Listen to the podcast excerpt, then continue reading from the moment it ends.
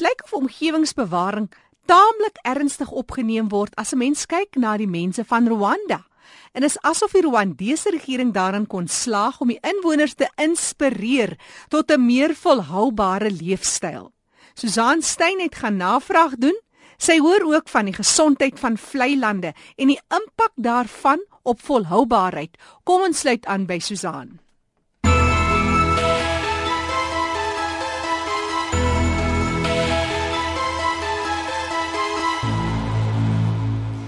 Ons RSG kollega Martelies Brink was onlangs in Rwanda en sy was diep onder die indruk van hoe bewus die regering van die land is van 'n meer volhoubare lewenstyl en ook hoe goed die inwoners saamwerk op maniere wat 'n mens nie eens altyd met volhoubaarheid sal vereenselwig nie.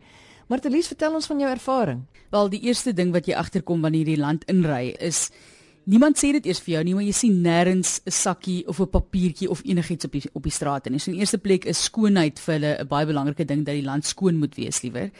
Elke maand is daar 'n dag wat op sy gesit word waar die hele land skoon maak op 'n Saterdag. Die winkels is eintlik toe. Dit is skoonmaakdag in Rwanda. Yes, it is true, but this hasn't been like this before.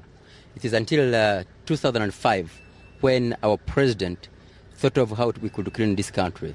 And so one day he declared it a public cleaning day, and all offices and all businesses were closed from 7 up to 11. Our country was clean. And after cleaning the country, all of us, we live in our own local way of administration.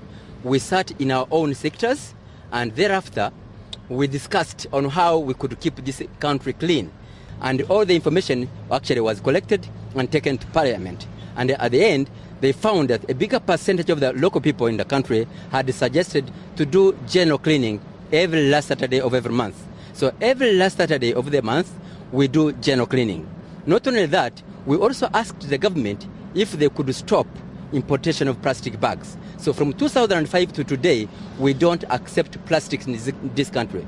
Actually, as we drive from Kigali tomorrow to the east and back to the west, to the north, you will see that there is no plastic bottle. But of course, uh, it so happens that, uh, like you, you saw it in your bags, you can just be screened by hand luggage. But if you had a plastic bag in your in your bag, it won't be screened. So sometimes people come up in that those bags of theirs, but when they reach home, they throw them away. And once in a while, not a common case. Once in a while, you can bump into a plastic bag, but this is not the case, uh, an everyday case if you compare it with other countries in the world. Martelies, dit was nou julle toergids daar, maar eh, na aanleiding ook van wat hy nou sê, klink dit asof 'n mens nogal hulle voorbeeld kan volg dit daar's baie lesse vir ons te leer daaruit in terme van die feit dat 'n mens meer eenvoudig moet leef. Ek dink ons wonder maar baie oor of ons uitspattige lewenstyle en as ek sê uitspattig praat ek nie van die rykste van die ryk ryk mense nie. Ek praat van middelklas mense in Suid-Afrika en selfs laer in vergelyking met hoe baie mense in Rwanda leef, is dit uitspattig. So is dit volhoubaar om so te leef of nie? Ek wil 'n mooi lemoen hê. Ek wil nie net 'n organiese lemoen hê wat lekker smaak nie, maar hy moet mooi lyk ook. Jy weet, ons het daai snaakse verwagtinge van die wêreld en van die lewe en hier kom jy in Rwanda en jy sien hoe mense op 'n baie eenvoudige vlak moet leef en dat dit is meer volhoubaar. Ek dink op 'n ander vlak wat belangrik is in terme van omgewingsvriendelikheid is die feit dat hulle nie steenkool daar nie. So daar's geen steenkoolopwekking van krag daar nie. Dis alles hidro kragopwekking en songebaseerde kragopwekking en hulle werk nou byvoorbeeld ook aan gas wat hulle uit die riviere soos of meer Kivu wil ontgin. So daar kyk hulle na ander opsies. Hulle is bekommerd oor die uitlaatgasse van voertuie byvoorbeeld. Maar hulle is besig om so te ontwikkel as land, een van die grootste ontwikkelende lande in in Afrika. So hulle doen baie goed vir hulle self ekonomies nou om hulle self weer op te bou van 0 frank in die sentrale bank na die 64% dink ek wat hulle dit nou opgebou het. So die ekonomie doen goed, maar ek dink hulle besef dat daar moet 'n balans wees tussen ekonomiese ontwikkeling en die omgewing. Daar's ook meer en meer biodieselstasies wat mense langs die pad sien, iets wat jy nêrens ek het nog nooit in Suid-Afrika 'n kommersiële biodieselstasie gesien nie, maar dit is klein, jy weet dit is regtig basisvlak stasie. So ek dink hulle vat dit baie ernstig op. In daardie land, jy mag byvoorbeeld nie in die openbaar rook nie. Ek weet nie wat dit met volhoubaarheid te doen het nie, maar jy mag nie op straat rook nie. Iets anders wat hulle ook byvoorbeeld op hierdie stadium doen is 'n projek waar hulle nou krag op paaie sit of soos ligte op van die paaie sit waar mense dan in die nag kan stap want meeste van die mense se vervoer manier van vervoer is om te stap waar hulle wil kom. Daai projek word nou uitgebrei sodat dit meer en meer kilometers is waar mense dan gemaklik in die nag kan stap met lig. Maar die uitbreiding wat plaasvind, dink hulle is dit soort van volhoubare uitbreiding? Dink hulle byvoorbeeld om in daai krag ehm um, hernubare kragbronne te gebruik? Wel, ek hoop hulle sal daaraan dink om dit te voldoen. Hulle het nie uh, ander bronne van krag nie. So daar's baie water in daai land, dit reën baie, so en hulle het baie toevoer na mere en so wat wat baie groot is wat vir hulle daai hidroopwekking kan bewerkstellig. Daar was 'n paar kragonderbrekings gewees, maar dit is vinnige kragonderbrekings. Gaan af en dan is hy weer reg. En dan dink ek dan sit ek so ons raak so geïrriteerd met kragonderbrekings hier. Dan dink ek myself Wat wil jy prys gee? Dit mense vra daai vraag vir jouself wanneer jy in daai land is, in daai omgewing is. Is dit sal dit oukei okay wees met jou om kragonderbrekings te hê as jy weet dat dit nie meer lugbesoedeling veroorsaak nie?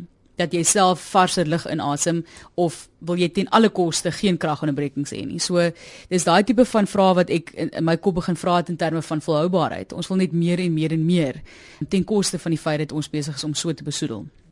Jy sê mense wat voorheen wildiewe was speel ook 'n rol in volhoubaarheid of ekonomiese volhoubaarheid. Ja, kyk, ek dink hulle het nou besef dat die gorillas, daar was iets soos 100, 200 van hulle oor gewees. Toe besef hulle maar hulle kan toerisme as 'n inkomste gebruik. So en hulle wil nou voorkom dat hierdie diere nou uitsterf heeltemal. Toe groei dit na 400. Toe so gaan dit aan en baie van hierdie ouens wat ons as portiere gehelp het. So dis ouens wat vir die wat vir die mense wat nou besluit om die gorillas te gaan sien, letterlik hulle sakke dra en vir hulle ophelp. Hulle het besef dis veel meer volhoubaar om betrokke te wees by die bewaring van gorillas. As dit ons gaan en ons moer hulle almal uit, en môre is dan niks meer oor en waar kry jy dan jou geld? So in plaas van om nou geld te kry uit die hande wat as van gorillas wat vir mense verkoop word as 'n aandenking, sê liewer kom ons bewaar liewer die gorilla en kry 'n magtom toerisme toeriste in wat die gorillas wil kom ervaar. En daai elke keer as jy 'n persoon help kry jy 10 dollar. So jy weet daar's daar is 'n beperking op permitte, so dis nie asof dit hierdie massiewe klomp geld is wat 'n portier nou maak nie. So hulle het 'n rotasiesisteem ook met die portiere, maar hulle sê vir die ou moenie die diere doodmaak en hulle verkoop nie en die hande en goed verkoop nie kom liewer en wees deel van die voortlewing van die gorilla sodat ons vir ewig daar daar uit kan geld maak. Dit klink nou verskriklik, maar as jy vir 'n persoon moet moet op so 'n manier dit kwalifiseer wat kos in sy mond nodig het, dan uh, maak dit soveel meer sin. En 'n mens kon sien dat hierdie mense is dankbaar daarvoor. Hulle is dankbaar vir die feit dat hulle nou geld in hulle sak het en so kan die gorilla ook voortleef. En later het dit gegroei van 400 en ons trek nou by amper 900 gorillas in die wêreld, 'n berg gorillas. Want is ongelooflik dat mense se gedagtegang daar so verander kon word. Ek meen dis iets wat mense oral in die wêreld nodig het. Hoe het hulle dit gedoen? Kyk, ek dink hulle het maar net op grondvlak. Ek kom agter baie van die goed wat sukses bereik het, selfs die eh, rekonsiliasie van die land. Dit is op grondvlak gedoen. So daar is met mense op grondvlak gepraat. Hulle het byvoorbeeld die land ontwapen. Hulle het eh, op lig gesê jy moet jou wapens inhandig en toe het hulle letterlik 'n week gehad waar hulle na elke liewe huis toe gegaan het en die wapens verwyder het. Dit wat nie ingehandig is nie. So ek dink baie goed word op grondvlak gedoen in Rwanda.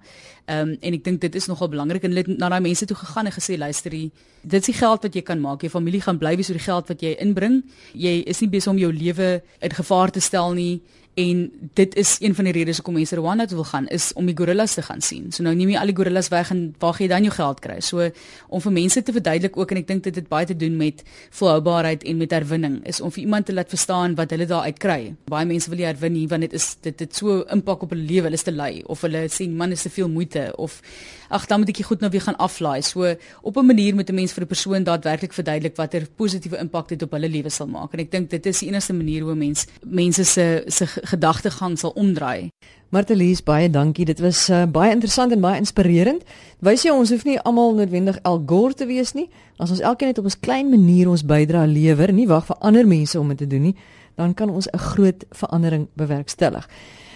Ons het verlede week met Dr. Christo Maree gepraat. Hy is die hoofdirekteur van die Natuurlike Hulpbron Bestuursprogramme van die Departement Omgewingsake.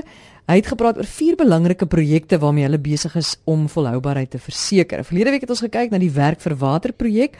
Dis indringerplante se impak op beskikbare water en metodes wat hulle het om van hierdie plante ontslae te raak en uh, selfs hierdie plante te gebruik om ekomeubels van te maak. Vandag is dit werk vir vlei lande. Nou Christo, watse rol speel vlei lande in volhoubaarheid? Ek gebruik altyd die analogie van vlei lande en riviere. Die are van die wêreld is die rivierloope. In die vlei lande is die niere.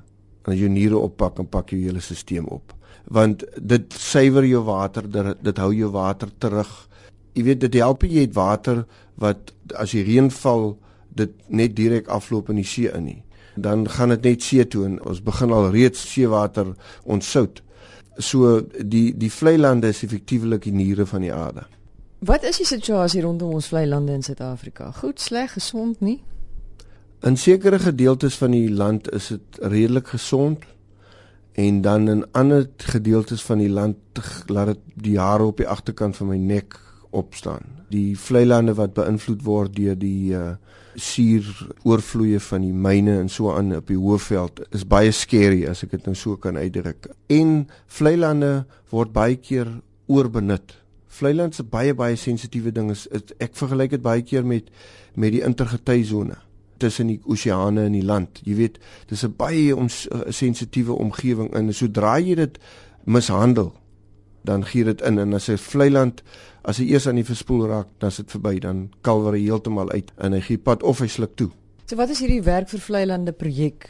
Wat behels dit? Die vlei lande projek het basies 3 aspekte. In die eerste plek die restaurasie van ernstige gedegradeerde vlei lande. Jy weet goed wat diep uitgespoel is as jy gaan kyk in die Drakensberge en en so aan van daai klein vlei lande in die opvanggebiede waar hulle nou diep slote gevorm het en dis groot werk wat jy daar doen jy sit infrastruktuur jy moet letterlik geboude infrastruktuur insit net om om die water se vloei te vertraag sodat die silt weer kan neersak en dan begin die stelsel weer stadig aan werk. Die tweede deel van ons werk is gemik op die voorkoming van verdere jy weet as jy sien daar's 'n klein of daar's 'n vlei land wat 'n 'n klein stukkie degradasie in het, dan stop jy dit net daar en dis op 'n baie groter area. Die derde is is die volhoubare benutting. Mense bewy baie keer vlei lande en dan uh, bewy hulle dit nie volhoubaar en dit veroorsaak dat die vlei uitgetrap word en begin spoel. So die volhoubare benutting en daar's baie produkte wat jy uit vlei lande uit oes, jy weet uh, riete en sulke tipe van dinge. En dan uh, laaste van die aspekte van die program alhoewel in al ons programme het ons uh, 'n uh, sekere mate van opvoedings by uh, jy weet bewusmaking veldtogte. Wat doen 'n vlei land alles wat ons nie van weet nie wat bydra tot volhoubaarheid van die omgewing? As ek dit kan opsom met drie goeters. Die een is die vertraging van vloei, die vashou van water in die nat seisoen om dit stadig te ontsluit of te laat afloop in die droë seisoen. Dit vir my is 'n baie baie belangrike aspek van wat vlei lande doen. Soos ek reeds vroeër genoem het, die filtrerings.